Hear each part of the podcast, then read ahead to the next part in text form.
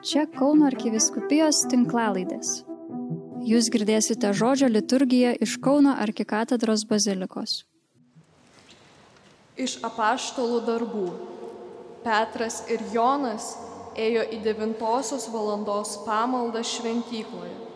Tuo pačiu metu buvo nešamas ir vienas apsigimęs luošas vyras. Jį kasdien sodindavo prie šventyklos vartų, vadinamų gražiaisiais kad prašytų šventyklos lankytojų išmaldos. Pastebėjęs bei įeinančius vidun Petrą ir Joną, jis paprašė išmaldos. Petras, įdėmiai pažvelgęs į jį, draugė su Jonu tarė, pažiūrėk į mudu.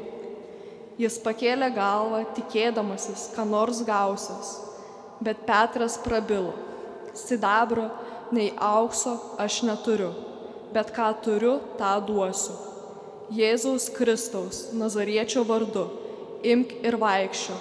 Ir paėmęs už dešinės rankos, pakėlė jį. Jo kojos ir pėdos bematant sustiprėjo. Jis pašoko, atsistojo ir ėmė vaikščioti. Draugė su apaštalais įėjo į šventyklą. Ten vaikščiodamas ir pasišokinėdamas garbino Dievą. Visi žmonės pamatė jį vaikščiojant ir šlovinant Dievą. Jie pažino, kad tai tas pats luošys, kuris sėdėdavo elgetaudamas prie gražiųjų vartų. Jie buvo labai nustebinti ir sukresti to, kas buvo jam atsitikę. Tai Dievo žodis.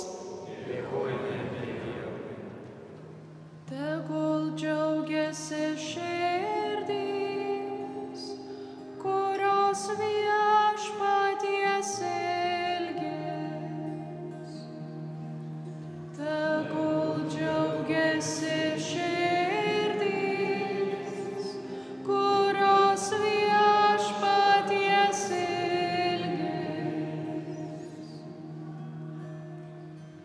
Iškilmingiausiai viešpatį garbinkit, sveikinkit jo šventąjį vardą. Skelbkit tautoms didingus jo darbus. Jūs jam gėdokit ir grokit, garsinkit jo stebuklingą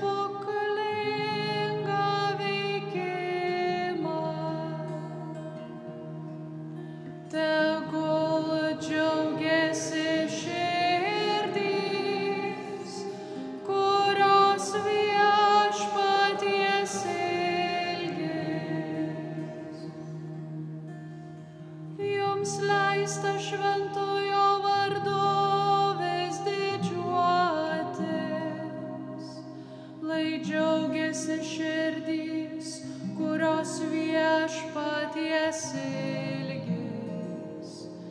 Žvelkite viešpatį, į jo galybę,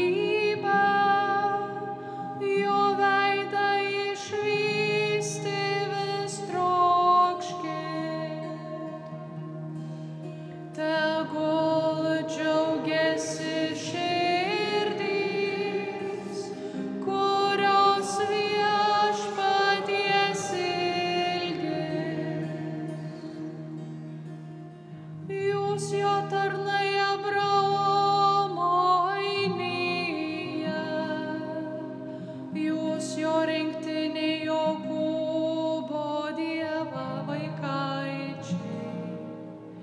Dievas mums yra patsai viešpats, visą pasaulį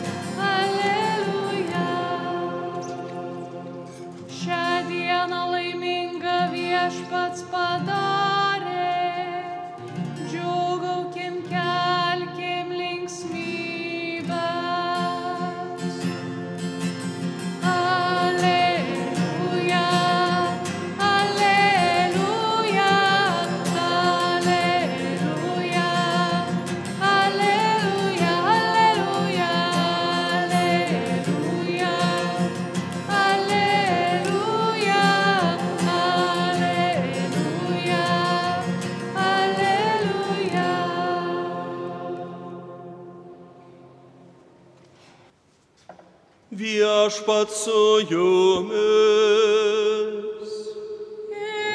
Su. Pasiklausykite Šventojios Evangelijos pagal Luką.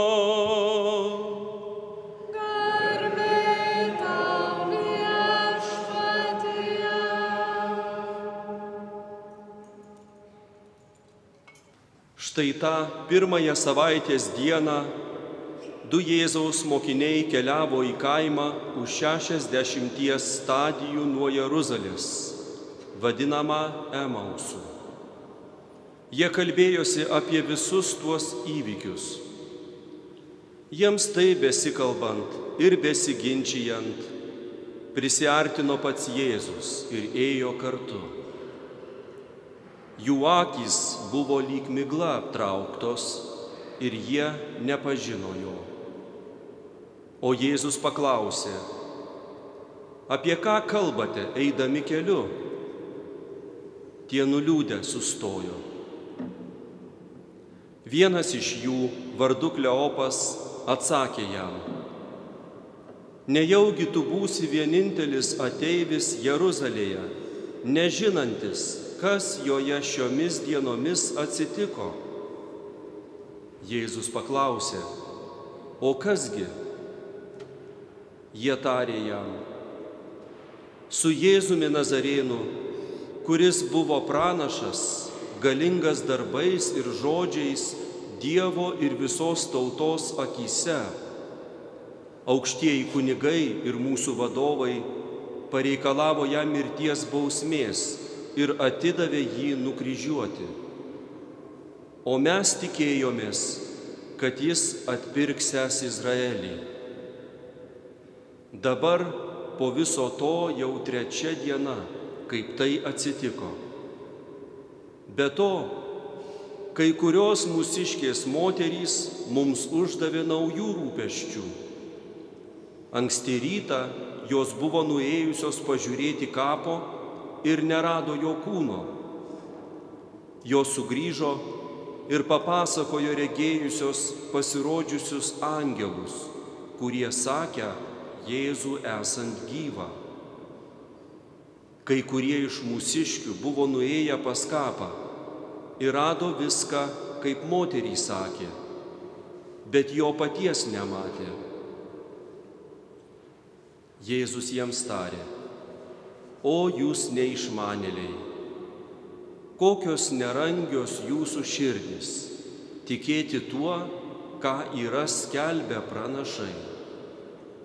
Argi Mesijas neturėjo viso to iškentėti ir žengti į savo garbę? Ir pradėjęs nuo Mozės, primindamas visus pranašus, jis aiškino jiems, kas visuose raštuose apie jį pasakyta. Jie prisartino prie kaimo, į kurį keliavo, o Jėzus dėjosi einas toliau. Bet jie privertė jį pasilikti, prašydami, pasilik su mumis, jau vakaras arti, diena jau besibaigianti. Tuomet jis užsuko pas juos. Vakarieniaudamas su jais prie stalo, paėmė duoną, sukalbėjo palaiminimą, laužė ir davė jiems. Tada jų akis atsivėrė ir jie pažino Jėzų, bet jis pranyko jiems iš akių. O jie kalbėjo, argi mūsų širdys nebuvo užsidegusios, kai jis kelyje mums kalbėjo ir atvėrė raštų prasme. Jie tuoj pat pakilo ir sugrįžo į Jeruzalę. Ten rado susirinkusius vienuolika su savo draugais, kurie sakė, viešpats tikrai prisikėlė ir pasirodė Simonui. O jie papasakojo, kas jiems atsitiko kelyje ir kaip jie pažino Jėzų, kai jis laužė duoną. Girdėjote viešpatie žodį.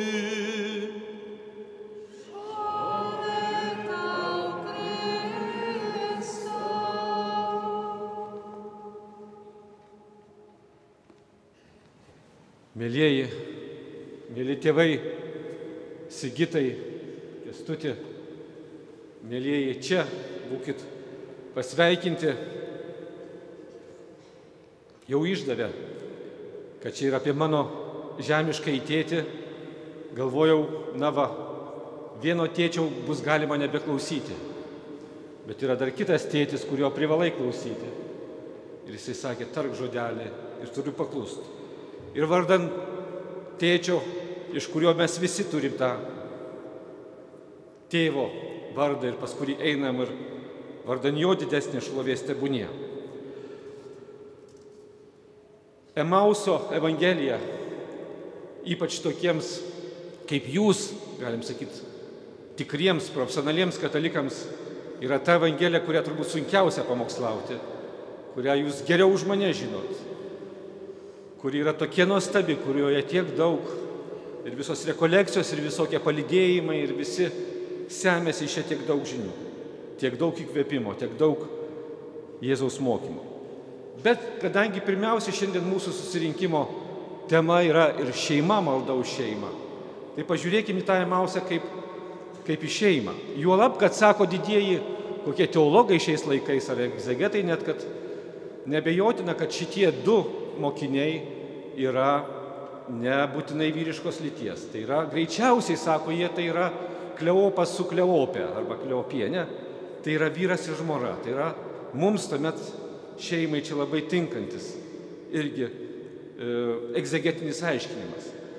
Labai viltingas irgi, kad Jėzaus mokiniai, kurie čia jie vadinami, yra ne tik tai tie dvylika vyrų, bet ir ne tik tos moteris, kurios vaikščiojo iš paskos ir brangius tepalus pylė ir nešiojo ir šiaip rėmė visai. Bet Jėzaus mokiniai yra ir poros, ir šeimos, ir santokos. Tai irgi jėga. Bet ką Evangelija mums pasakoja? Man labai žemiškai, šeiminiškai, kasdieniškai skamba šitie Evangelijos žodžiai. Apie ką kalbate ir ginčijatės. Tie, kas šiek tiek gyveno šeimoje, nujaučia nugaros smegenimis, kad, kad čia tiesa pasakyta. Kad kai kalbamės, kartais ir nesiginčijam, bet kartais ir pasiginčijam. Ir Jėzus, kuris apsimeta, kad ne Jėzus, pataiko tiesiai į širdį. Ir apie kągi jie kalbasi ir ginčijasi. Apie ką mes kalbamės ir ginčijamės. Apie tai, kad mes tikėjomės, kad jis padarys šitą, kad jis atėjo dėl to, kad bus šitai. O viskas ne taip. O viskas ne apie tai, ko mes tikėjomės, ką mes žinojom, ko mes taip vylėmės, ne taip.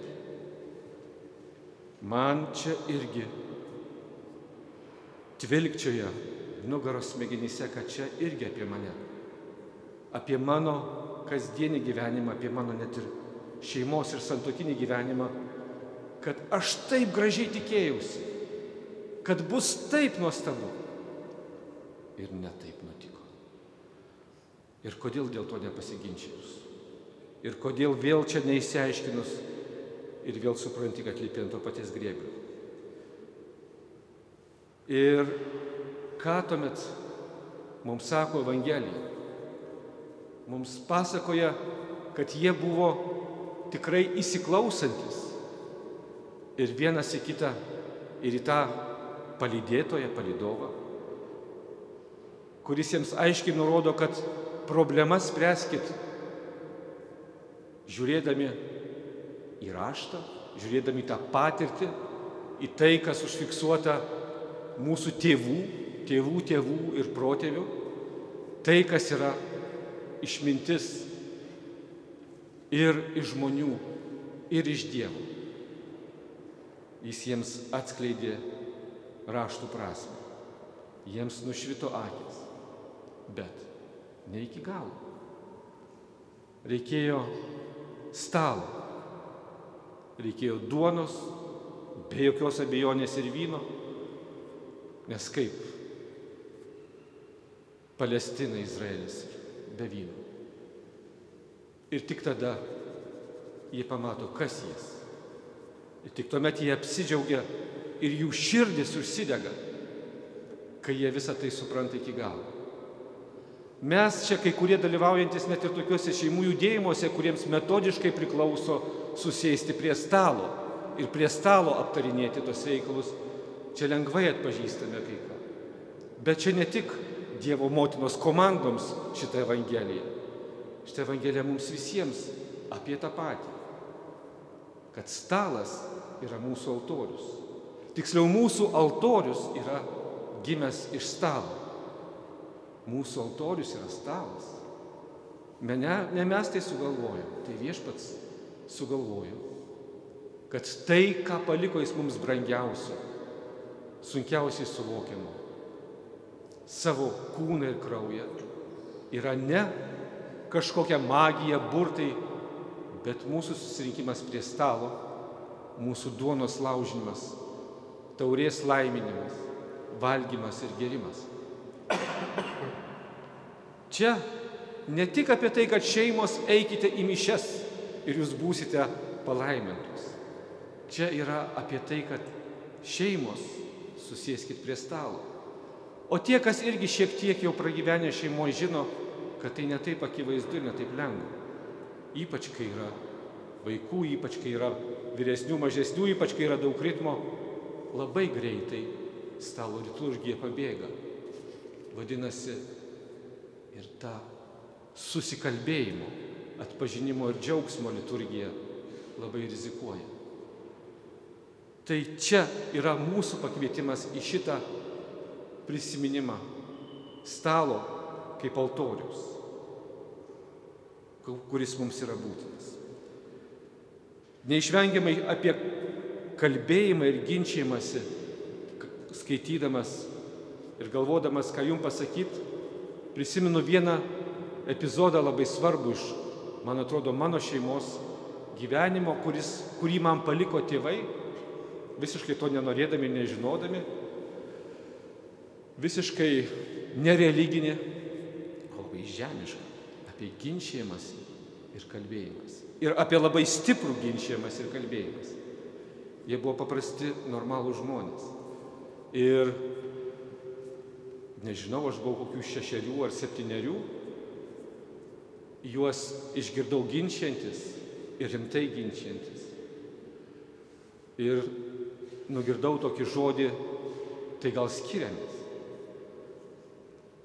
Ir tuo momentu aš prisimenu ir visą gyvenimą prisiminsiu, kai atrodo, kad susviravo žemė, dangus, skilo po kojom ir aš nežinau, kur aš pradingsiu, kas su manim dabar bus.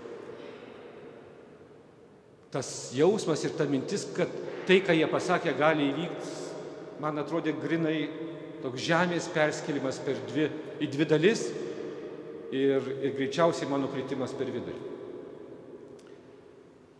Ir tai neįvyko. Ir neįvyko ir tą kartą, ir kitą kartą, jie susiginčijo. Ir tai neįvyko niekada išskyrus tada, kai prieš trejus su pusę metų mama pirma išėjo pas viešpatį. Ir man tai yra didžiulė pamoka apie tai, kas juos išlaikė. Jie neturėjo Dievo motinos komandų, jie neturėjo šeimų akademijų, jie neturėjo jokių net pasirinkimo santoko sakramentui kursų.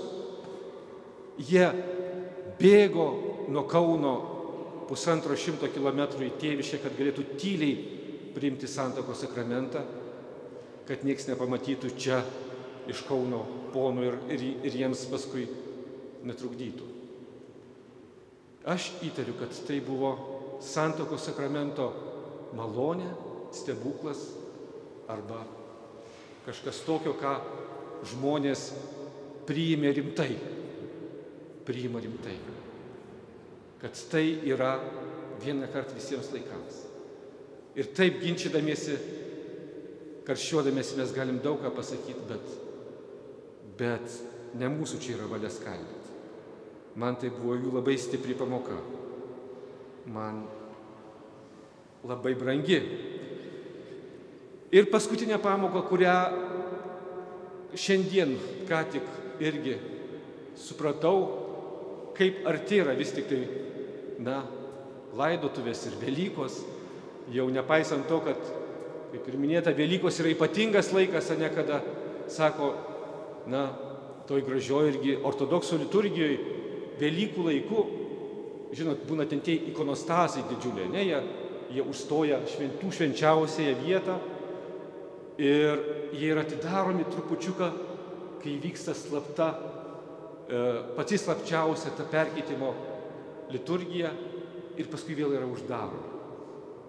O Velykų laiku visi tie vartai, tai karališkiai vartai, pagrindiniai ir šoniniai vartai yra atidaromi ir laikomi visą tą Velykų laiką atviri. Kaip ženkla, kad atsivėrė mums dangus ir nebeužsidaro duris. Kristaus mirtis ir prisikėlimas atvėrė mums dangų ir galim eiti per tas duris, kiek nori. Ne kiek nori, paskui tas duris uždaro. Tai iš čia tai irgi tradicija sakyti, kad ypatingas laikas per Velykas iškeliauti pas viešpatį. Beje, firmos irgi sako, kad labai daug žmonių tuo naudojasi ir miršta šitom dienom.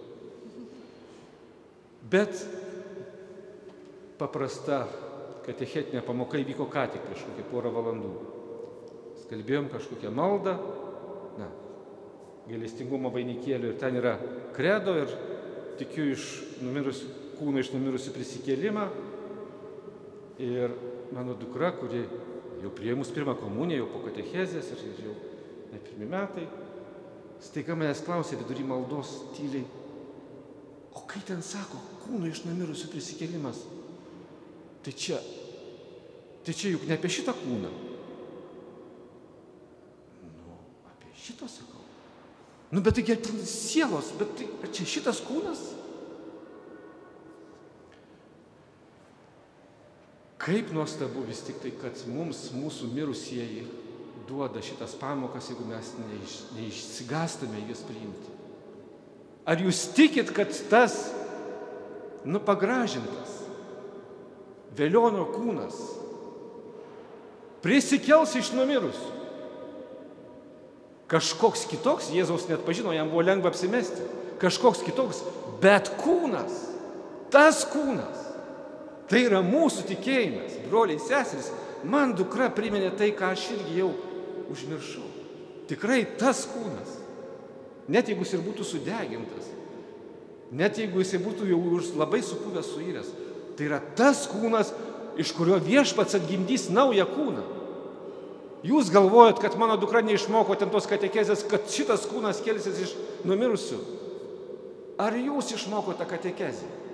Ar jūs tikit, kad šitas kūnas kelsis kažkokiam amžinam gyvenimui? Kristus prisikėlė. Iš tiesų prisikėlė. Kristus prisikėlė. Kristus prisikėlė. Amen.